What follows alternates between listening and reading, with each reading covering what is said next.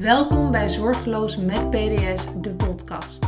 De podcast die je inzicht geeft in darmgezondheid en gerelateerde aandoeningen.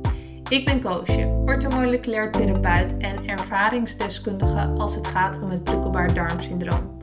Ik heb 13 jaar geleden zelf leren leven met PDS. Welkom bij weer een nieuwe aflevering van Zorgeloos met PDS, de podcast.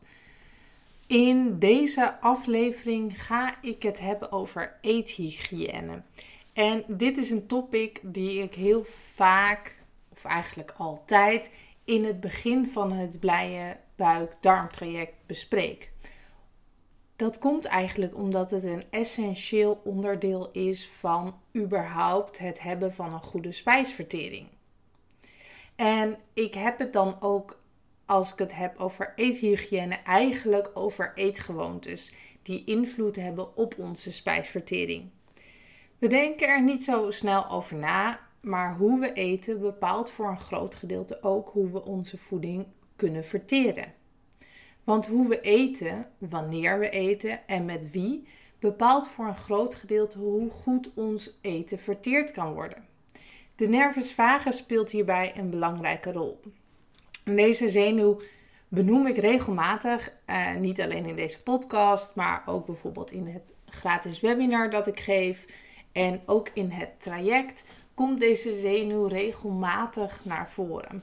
Mocht je hier dan ook meer over willen weten, dan adviseer ik je vooral om hier een podcastaflevering over te luisteren. Um, ik ga er dus nu niet veel verder op in, maar hij speelt een belangrijke rol hierbij.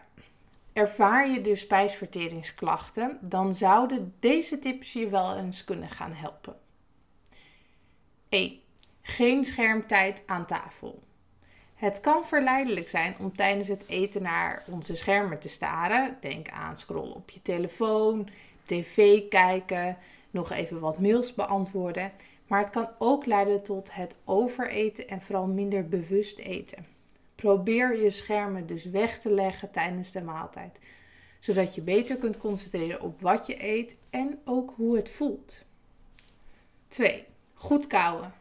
Neem de tijd om je eten goed te kauwen. Dit helpt niet alleen de spijsvertering, maar het zorgt er ook voor dat je meer geniet van de smaak en de texturen van je maaltijd. En dat je goed voelt wanneer je eigenlijk wel vol begint te worden. Leg je bestek neer tussen elke hap. Leg tussen elke hap even je bestek neer. Dit kan je helpen om langzamer te gaan eten, maar ook om meer te genieten van wat je eet. Bovendien kan het je lichaam even de tijd geven om aan te gaan geven: hey, ik zit al bijna vol. Drink niet tijdens de maaltijd. Vermijd het drinken van grote hoeveelheden tijdens het eten. Omdat de spijsvertering kan vertragen en eigenlijk omdat het je maagzuur wat neutraliseert. Probeer dus liever voor of na de maaltijd te drinken en hou dan ongeveer zo'n 15 minuten aan. 5. Eet niet in haast. Neem de tijd voor je maaltijd en vermijd het eten in haast. Dit kan namelijk zorgen dat je lucht gaat inslikken en ook spijsverteringsproblemen veroorzaken. Dus niet snel eten in de auto, even in 10 minuten een hele maaltijd naar binnen schuiven omdat je weer door moet. Maar neem de tijd om te eten.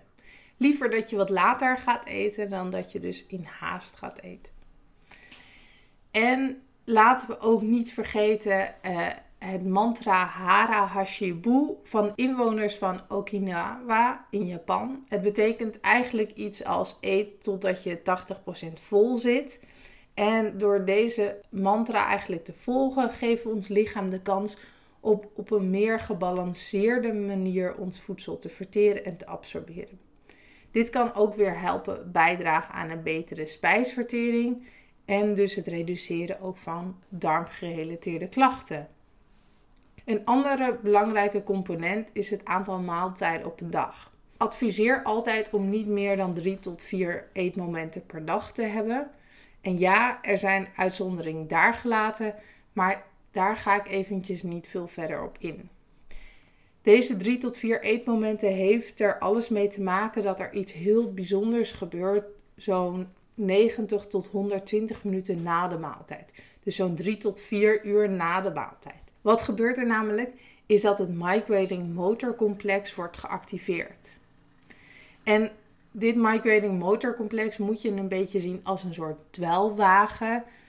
Um, dit systeem starten we vanaf je maag en veegt dan eigenlijk je hele spijsverteringskanaal schoon. Dus vanaf je maag naar je dunne darm en dan uiteindelijk komt alles bij je dikke darm, bij je ontlasting terecht. Alle achtergebleven voedselresten, bacteriën, pathogenen en alles wat daar niet thuis hoort, wordt opgeruimd. Dit is ook dat borrelende geluid als je een tijdje niet hebt gegeten, waarvan wij altijd hebben geleerd van hey, uh, moet je eten, heb je honger? Nee, dit is dat migrating motor complex. Dit is de sleutel eigenlijk voor een goed werkende darmfunctie. En het is dus ook heel erg belangrijk om dit systeem de kans te geven om geactiveerd te worden. En dat doe je dus door niet de hele dag door te eten. Ik hoop dat deze tips je helpen om bewuster te gaan eten en ook om je spijsvertering te gaan verbeteren. Je zult verbaasd zijn als je hiermee aan de slag gaat, hoeveel impact dat heeft op de klachten die je op dit moment ervaart. Bedankt voor het luisteren. Ik hoop echt dat je hier wat eh, aan hebt gehad. Vergeet niet de podcast te volgen als je een signaaltje wil krijgen als er een nieuwe aflevering online komt. En voor nu wens ik je een hele fijne dag.